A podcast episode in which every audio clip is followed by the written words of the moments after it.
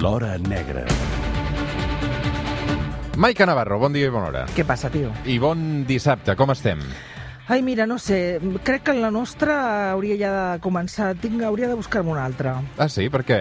Mira que jo no estic còmode eh, amb aquesta relació. Sí, doncs jo a vegades em, saturo una mica. Què vols Per que què? Estic, estic, massa, estic massa a sobre. Mm, No, perquè trobo que està descompensada, no estem en equilibri. Les relacions bones han d'estar equilibrades. D'edat, vols dir? I o de això què? De... No, Sí, al final fotré una hòstia, que sortiràs per l'estudi. Es deia per l'estudi, no precisament per la porta. Què, què vols dir que les relacions han d'estar doncs, equilibrades? Perquè ha d'estar equilibrada i això no està equilibrat. De vegades, bueno, jo me confio, me confio, me confio, i la que em confio, tasca. Però T'empulles en- a la xepa, que se'n diu. Equilibrat en quin sentit? De- De D'enamorament? o tot, d'enamorament, de... El llit, de... vols dir, d'equilibrat, o de- Bueno, del llit millor no parlem. Però... Per què? Perquè no podràs comparar la teva experiència amb la meva experiència. Això és veritat. Això, amb això et dono tota la raó del món. Doncs ja està, vinga, anem De quina, per tema. de quina experiència estem parlant? Am- És que, mira, saps què passa? Jo t'explico una cosa. La teva, els teus pares escolten a la secció? Clar que escolten la secció. Va, és que la meva també, els meus també. La A teva a mare, més, els teus La pares meva també. mare i el meu pare, que a més a més són molt divertits perquè un dia les hi vaig preguntar escolta, i on, on connecteu Catalunya Ràdio? A la tele.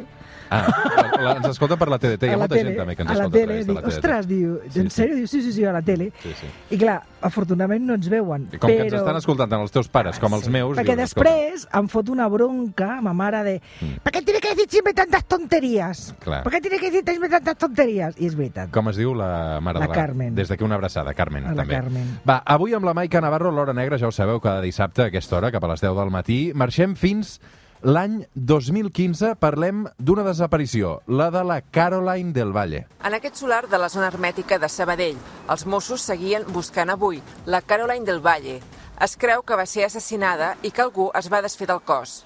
Els bombers han tret l'aigua que s'havia anat acumulant en el solar perquè els Mossos poguessin inspeccionar el lloc, però no hi han trobat res.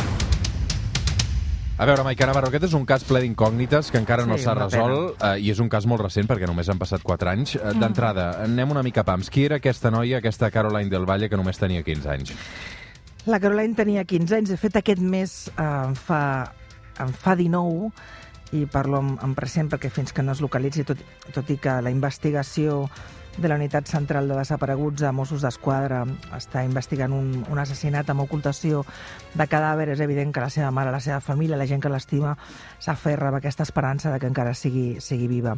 La Caroline vivia amb el seu germà petit i els seus pares en una vivenda molt humil de, del passeig de la, de la zona franca, franca, aquí a Barcelona.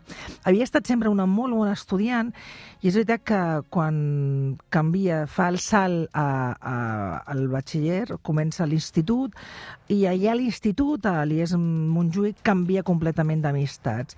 I a les, abandona una mica les col·legues de tota la vida i es busca una nova pandilla que la mare no controlava, els pares no controlaven del tot i que a més a més formava part de...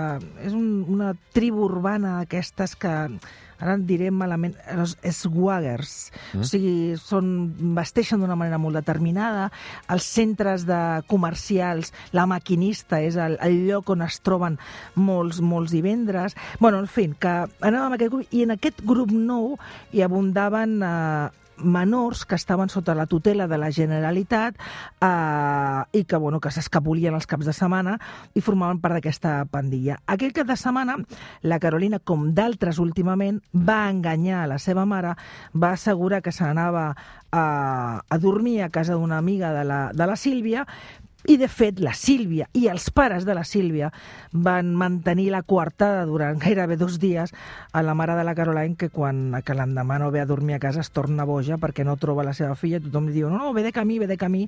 I al final havien passat gairebé dos, tres dies quan tot aquest grup de nous col·legues confessa que, bueno, que l'havien perdut de vista. Ens situem a la nit del 14 de juliol, tot això era un dissabte, un dissabte en què, com ara explica la Maica Navarro, la Caroline se'n va de festa amb aquest grup d'amics. Se'n va de festa a la zona hermètica de Sabadell. I aquella mateixa nit, aquella mateixa nit, la Caroline envia aquesta nota de veu que ara sentirem a la seva mare. Mamá, ¿puedo quedar a Palmé? Está aquí, dile. Que se queda en mi casa. Dile dónde estamos. Estamos saliendo del metro. En aquesta nota de veu, la Caroline explicava precisament que es quedava a dormir a casa d'una amiga Sílvia. seva, aquesta, la Sílvia, però, com ara deies, això no era veritat perquè se n'anaven de festa a la zona hermètica de Sabell, que recordem-ho, és aquesta zona d'oci de la capital del Vallès Occidental que l'han anat eh, desmembrant d'alguna manera, l'han anat tancant. Queda alguna discoteca molt puntual, però pràcticament els que som d'allà a Sabadell, eh, allà ara mateix és una zona eh, industrial eh, i de naus buides. I, de fet, res a veure amb el, res a veure la zona hermètica d'ara amb, la, amb allò que, va, que, havia, que havia en aquell moment quan aquella nit la, la, la Carolina amb aquest grup d'una veintena de, de col·legues estan primer eh, ballant en una discoteca, es, es colen com a, tot i ser menors, aconsegueixen entrar i al sortir estan davant d'una altra discoteca que crec que també és de les que han tancat, que es diu Aglov. Estaven allà al davant i de sobte, imagineu-vos l'escena, o sigui, hi ha una veintena de, de joves, en la gran majoria tots s'han escapolit de centres de menors, alguns fins i tot tenen eh, requisitòries per part de la policia, tant de la local de Sabadell com de Mossos d'Esquadra, per robatoris, fins i tot robatoris amb violència, i arriben per cada banda del carrer un cotxe patrulla de Mossos d'Esquadra. La gent es disgrega i tothom comença a córrer cadascú per una banda, i fum, i desapareix tothom d'allà. I tothom es perd.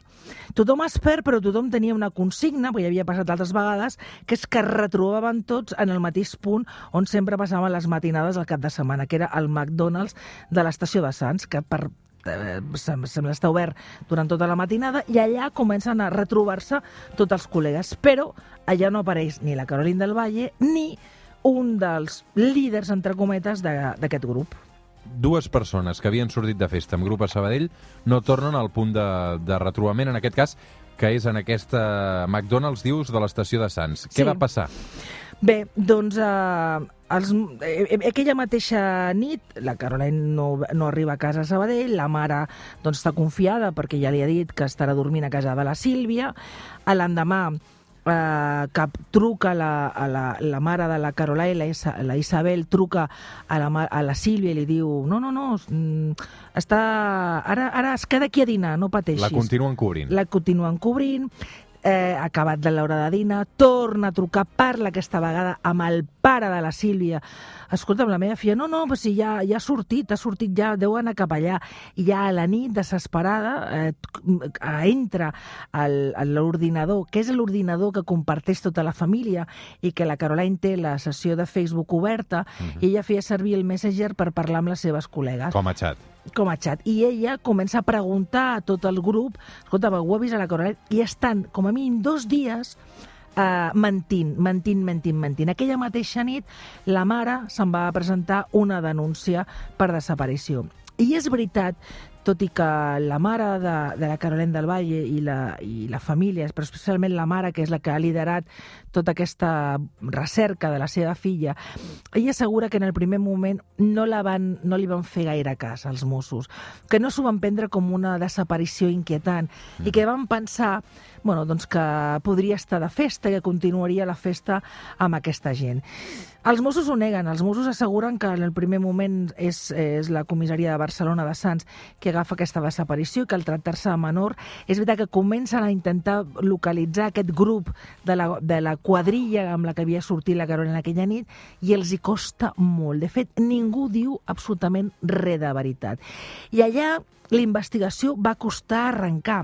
Va, no va costar, va, va costar eh, fer-se un mapa del que havia passat fins a que hi ha un moment que els pares de la Sílvia aquesta comencen a, a dir, bueno, alguns diuen, escolta, aquí no ha dormit, es comença a fer aquest mapa de que aquella nit ella estava amb aquest grup de joves, amb aquesta discoteca de Sabadell, i finalment els Mossos un per un comencen a situar cada un dels joves i, els arri i arriben a la conclusió de que hi ha un personatge una mica líder d'aquest grup, que, que també era menor, però que tenia molts antecedents, que és un tal Jacint Madí, alia Justin, que és aquest amb el que tothom havia vist marxar a, lo, a la Caroline en aquell últim moment. Li prenen declaració i el que ell explica és, no, no, jo, és veritat, eh, tothom marxa, jo me'n vaig, ella ve amb mi corrents, i als 20 met el, portaven 20 metres de carrera, ella em, me giro i em diu, no puc més, no puc més, i s'amaga, i la veig que s'amaga darrere, sota un cotxe, i jo la deixo allà i continuo, continuo corrents, passa davant d'una bencinera que casualment aquella nit la càmera de seguretat no funcionava i arriba a les, el que era les, les restes d'un castell abandonat de Can Feu, que la gent de Sabadell el coneixeu. Era un lloc on... També a prop de la zona hermètica. Sí, on les parelles de la zona de vegades s'amagaven per allà per tenir relacions íntimes. El cas que ell diu que ell arriba allà i que s'amaga primer amb, una, amb un clavegaran, que després està sota amb el fan... Bueno, el cas que a les 8 del matí, gairebé dues hores després de la resta del grup, que ja porta dos, dos, gairebé dues hores, en aquest McDonald's de Sants, eh, comentant la jugada, ell arriba sol.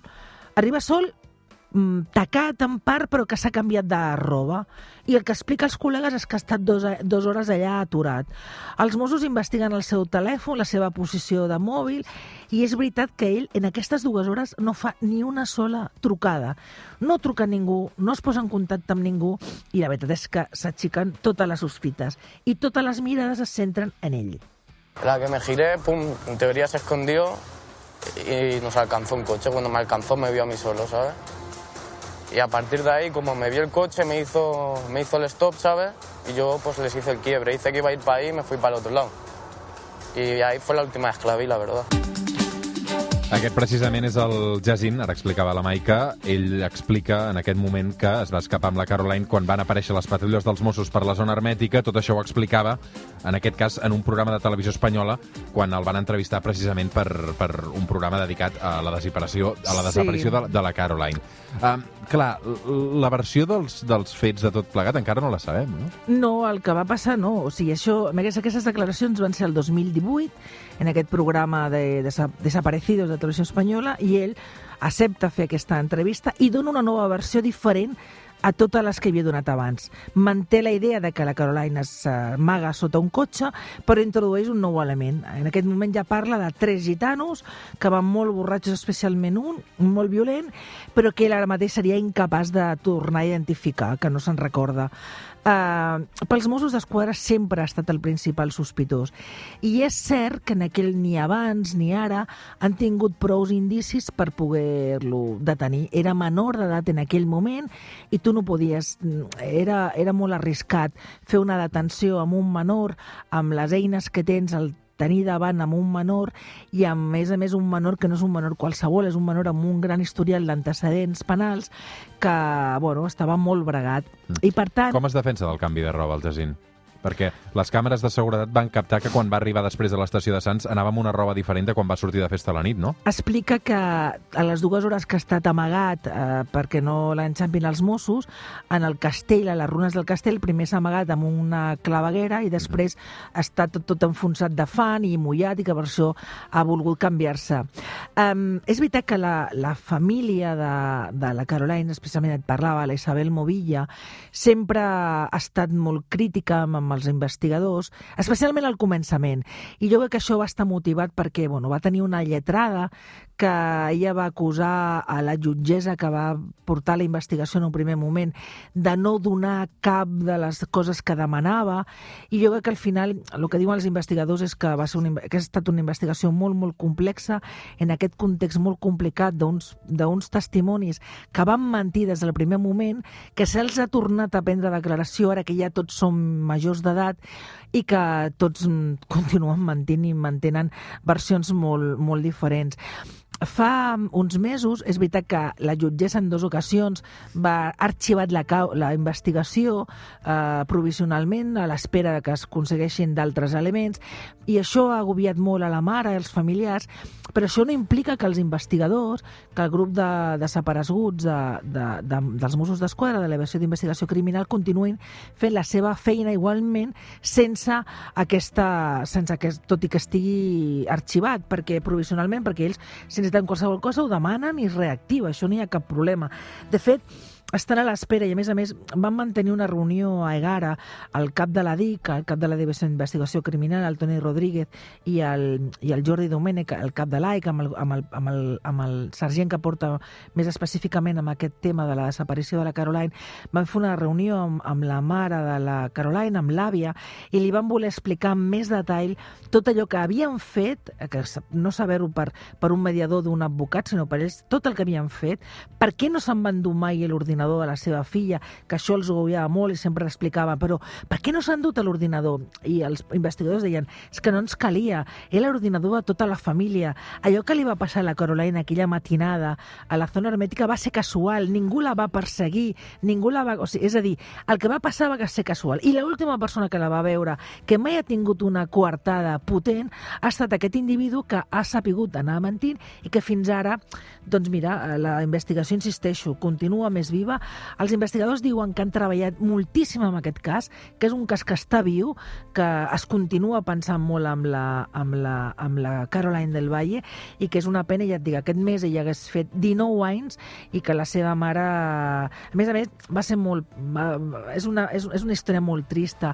A la mare la van enganyar, la van amenaçar, tot aquest, aquest ambient familiar d'aquests menors, eh, la van la, la insultar... Bueno, va, va ser una història molt, molt desagradable i insisteixo en una primera advocada que estava més preocupada en tirar merda contra els investigadors que en realment demanar accions al, al, a la jutgessa per investigar realment on estava la jove.